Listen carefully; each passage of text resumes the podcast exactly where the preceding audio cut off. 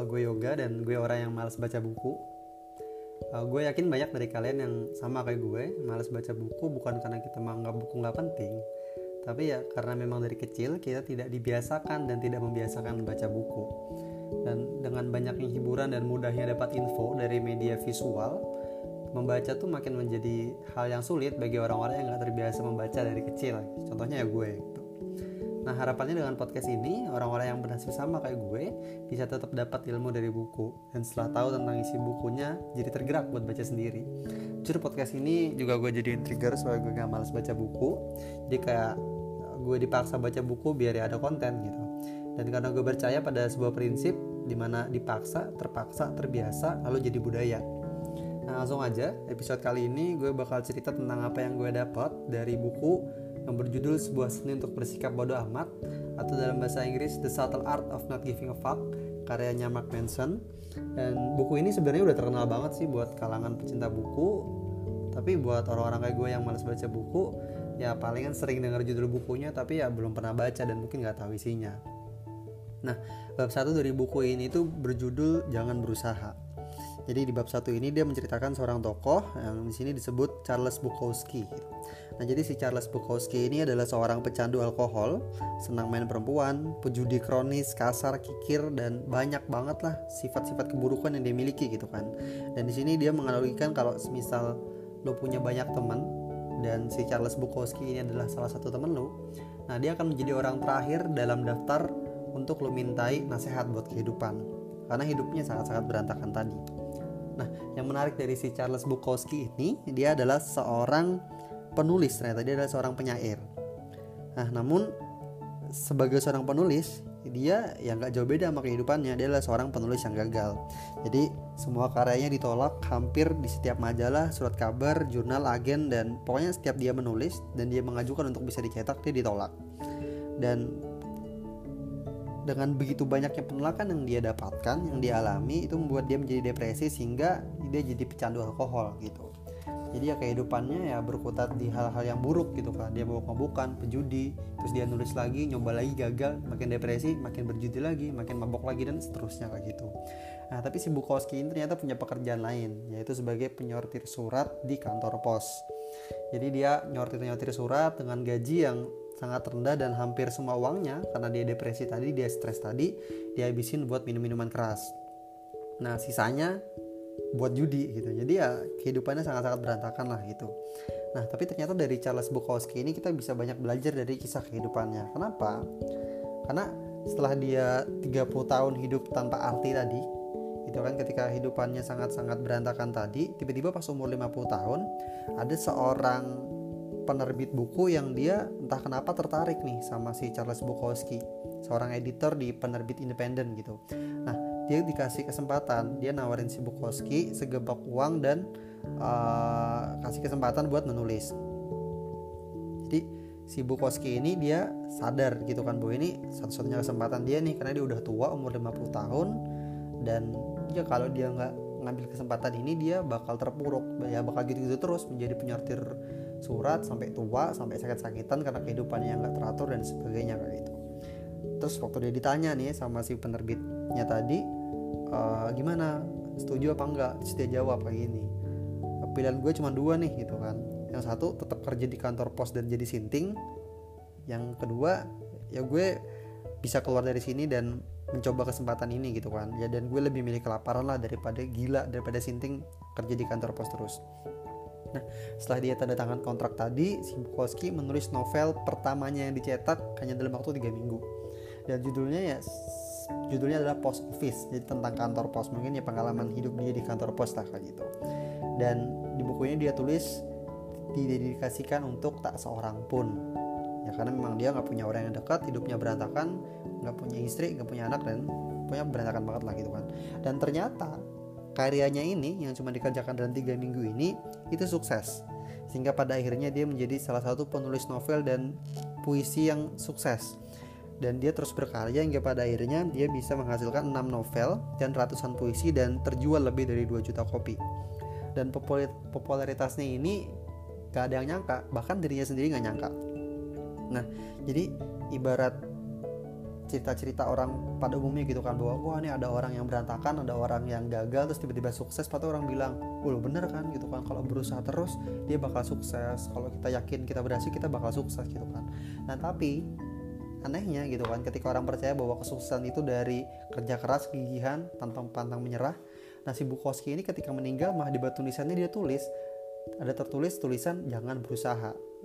Jadi sangat berkebalikan gitu kan dengan pemikiran orang bahwa wah dia sukses nih gara-gara gara-gara usaha keras nih gara-gara kegigihannya nih. Ternyata dia malah bilang jangan berusaha di batu nisannya gitu kan. Nah ternyata karena si Bukowski ini dulunya adalah seorang pecundang ia tahu benar bahwa dia adalah seorang pecundang dan keberhasilannya itu bukan karena hasil kegigihannya untuk menjadi seorang pemenang, tapi karena dia tahu dia seorang pecundang, dia menerimanya dan kemudian jujur dalam menulis tentang dirinya. Jadi dia tidak pernah bercoba dia tidak pernah mencoba untuk menjadi orang lain. Dia jadi dirinya sendiri aja, dia jujur bahwa dia orang pecundang, dia pemabuk, dia sering gagal, dia lemah dan sebagainya kayak gitu. Nah, ada ketika dia jujur dengan dirinya sendiri, dia tidak berperan menjadi orang lain, dia tidak berubah menjadi orang lain, dia hanya jadi dirinya sendiri, itu malah menjadi jalan dia untuk menuju kesuksesan sebagai sastrawan yang gemilang. Nah, yang menarik dari cerita Bukowski ini adalah ternyata dengan dia nyaman dengan cerminan dirinya sendiri, dia malah bisa sukses. Jadi si Bukowski ini dia bodoh amat gitu kan dengan kesuksesan. Dia masa bodoh dengan bagaimana image seorang sukses itu harus rapi, harus pantang menyerah, harus gigih, harus berkata sopan, harus tertata dan sebagainya. Dia kayak di, jadi ketika dia pun sukses, kebiasaannya tetap aja gitu kan. Dia masih berkata-kata kasar, senang main perempuan, senang mabuk, senang berjudi gitu kan. Dan ternyata kesuksesan yang dia alami tidak membuat dia menjadi pribadi yang lebih baik.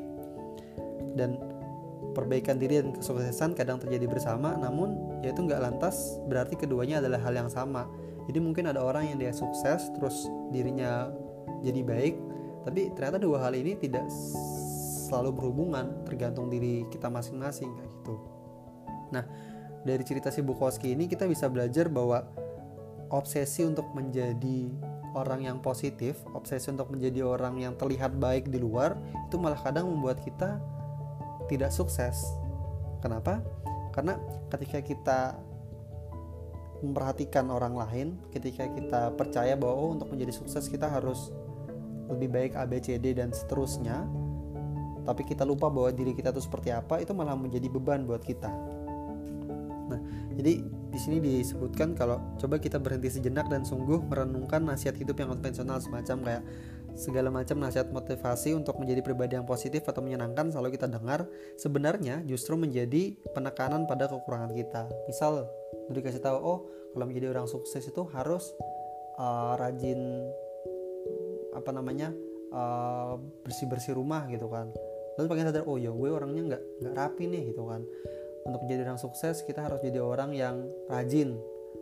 Kita makin sadar wah gue nggak rajin nih gitu kan. Jadi motivasi motivasi motivasi positif yang kita dengar itu malah kadang membuat kita semakin sadar bahwa kita nih terlalu banyak yang negatif dan akhirnya itu menjadi beban buat diri kita sendiri dan ada sebuah ungkapan di Texas itu yang bilang bahwa anjing paling mungil biasanya menggonggong paling keras Maksudnya adalah jadi seseorang yang dia percaya diri tidak merasa perlu untuk membuktikan kalau dia seorang per, dia percaya diri, dia nggak usah ngomong banyak-banyak gitu kan. Dan seorang wanita yang kaya tidak merasa perlu untuk meyakinkan seorang pun kalau dia kaya.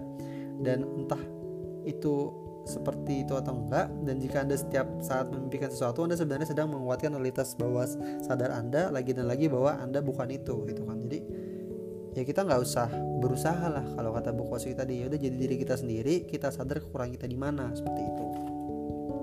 Dan di era modern seperti ini dengan banyaknya informasi dengan banyak kemudahan gitu kan kita terjebak untuk memperhatikan segala hal misal nih gitu kan di media sosial kita sering dipropagandakan bahwa orang yang sukses orang yang keren itu adalah misal uangnya banyak. Kedua bajunya bagus. Ketiga sering jalan-jalan. Keempat rumahnya gede. Kelima gadgetnya bagus dan banyak lah gitu kan. Jadi standar-standar kesuksesan yang dibikin oleh para korporat ini para pebisnis ini membuat kita jadi memperhatikan banyak hal. Wah gue mau sukses berarti gue harus mikirin gimana caranya punya banyak mobil punya banyak uang punya rumah yang bagus punya istri yang cantik punya anak yang cerdas dan banyak banget hal yang kita pikirkan untuk menjadi orang yang sukses sesuai standar yang dibuat oleh masyarakat. Nah, hal ini membuat kita makin gak maju-maju, makin gak sukses. Kenapa gitu kan? Karena semakin banyak kita memikirkan banyak hal, itu semakin dangkal fokus kita. Jadi semakin semakin kita kehabisan tenaga, kehabisan waktu, kehabisan pikiran, kehabisan fokus untuk memikirkan hal-hal yang disebut sebagai fata morgana kebahagiaan dan kepuasan di sini. Itu sebenarnya fata morgana doang gitu kan. Kebahagiaan itu yang nggak ada standarnya kebahagiaan masing-masing orang itu pasti berbeda kayak gitu. Nah terus di subbab selanjutnya judulnya adalah lingkaran setan. Jadi di sini menjelaskan bahwa ada sebuah keanehan mental yang membahayakan otak anda dan jika dibiarkan dapat membuat anda gila. Jadi dia mencontohkan seperti ini. Misal eh, kita cemas ketika menghadapi seseorang dalam kehidupan kita. Nah kecemasan tadi membuat kita nggak berdaya dan akhirnya bertanya gimana cara kok gue jadi cemas sih gitu kan. Akhirnya anda cemas karena cemas. Nah karena anda cemas akhirnya anda marah. Lah kenapa sih aku harus cemas gitu kan? Kenapa aku harus takut gitu kan? Nah hal-hal seperti ini membuat kita terjebak pada lingkaran setan gitu kan misal anda di uh, misal contoh lain gitu kan. Misal anda anda sedang uh, anda adalah orang gampang kesal. Nah dan fakta bahwa anda mudah sekali kesal atau mudah sekali marah itu membuat anda malah semakin marah. Dan kemudian ketika mulai mereda anda menyadari bahwa selalu marah-marah membuat anda menjadi orang yang berpikiran dangkal dan kejam. Dan akhirnya anda marah malah itu. Sehingga pada akhirnya ke, kamu marah karena kamu adalah yang pemarah jadi ya gitu aja terus gitu kan. Ketika kamu tidak tidak menerima dirimu yaitu menjadi lingkaran setan. Gitu kan. Nah dan ternyata percaya atau tidak inilah uniknya menjadi manusia gitu kan. Jadi manusia itu hanya sedikit binatang di bumi yang memiliki kemampuan untuk berpikir dan meyakinkan diri sebelum melakukan sesuatu. Dan kita sebagai manusia diberi keistimewaan untuk dapat berpikir tentang pikiran kita. Jadi misal uh, kita dapat berpikir menonton Miley Cyrus di YouTube gitu kan. Kemudian mendadak memikirkan keinginan saya untuk menonton video Miley Cyrus di YouTube itu. Sungguh itu keajaiban kesadaran gitu. Nah sekarang di sini letak masalahnya. Masyarakat kita saat ini lewat keajaiban budaya konsumsi dan media sosial yang giat diajangkan dan dipamerkan itu melahirkan manusia-manusia yang percaya bahwa memiliki pengalaman negatif seperti rasa cemas, takut bersalah, gampang marah itu tidak baik. Jadi misalnya uh, ketika kita melihat di feed Facebook itu kan ternyata uh, kita lihat nih ternyata ada 8 orang menikah minggu ini. Atau misal di Instagram tuh kita lihat oh ada anak muda yang punya penghasilan satu miliar gitu kan. Nah dan kita terjebak bahwa kita harus seperti mereka gitu kan. Padahal nggak kayak gitu gitu kan. Khususan orang tuh beda-beda kayak gitu. Nah bahkan uh, kita seharusnya bisa menerima bahwa uh, diri kita ya kayak gini dan ternyata semakin kita mendapatkan banyak pengalaman yang positif. Contoh nih kita melihat ada orang yang sukses kita ada melihat orang yang rajin kita melihat ada orang yang tampan cantik dan sebagainya itu malah memberikan efek negatif buat kita. Jadi ada seorang filsuf namanya si Alan Watts. Disebut sebagai hukum kebalikan. Dia menyebutkan bahwa hasrat untuk mengejar semakin banyak pengalaman positif sesungguhnya adalah sebuah pengalaman negatif. Dan sebaliknya secara paradoksal penerimaan seseorang terhadap pengalaman negatif justru merupakan sebuah pengalaman positif. Seperti itu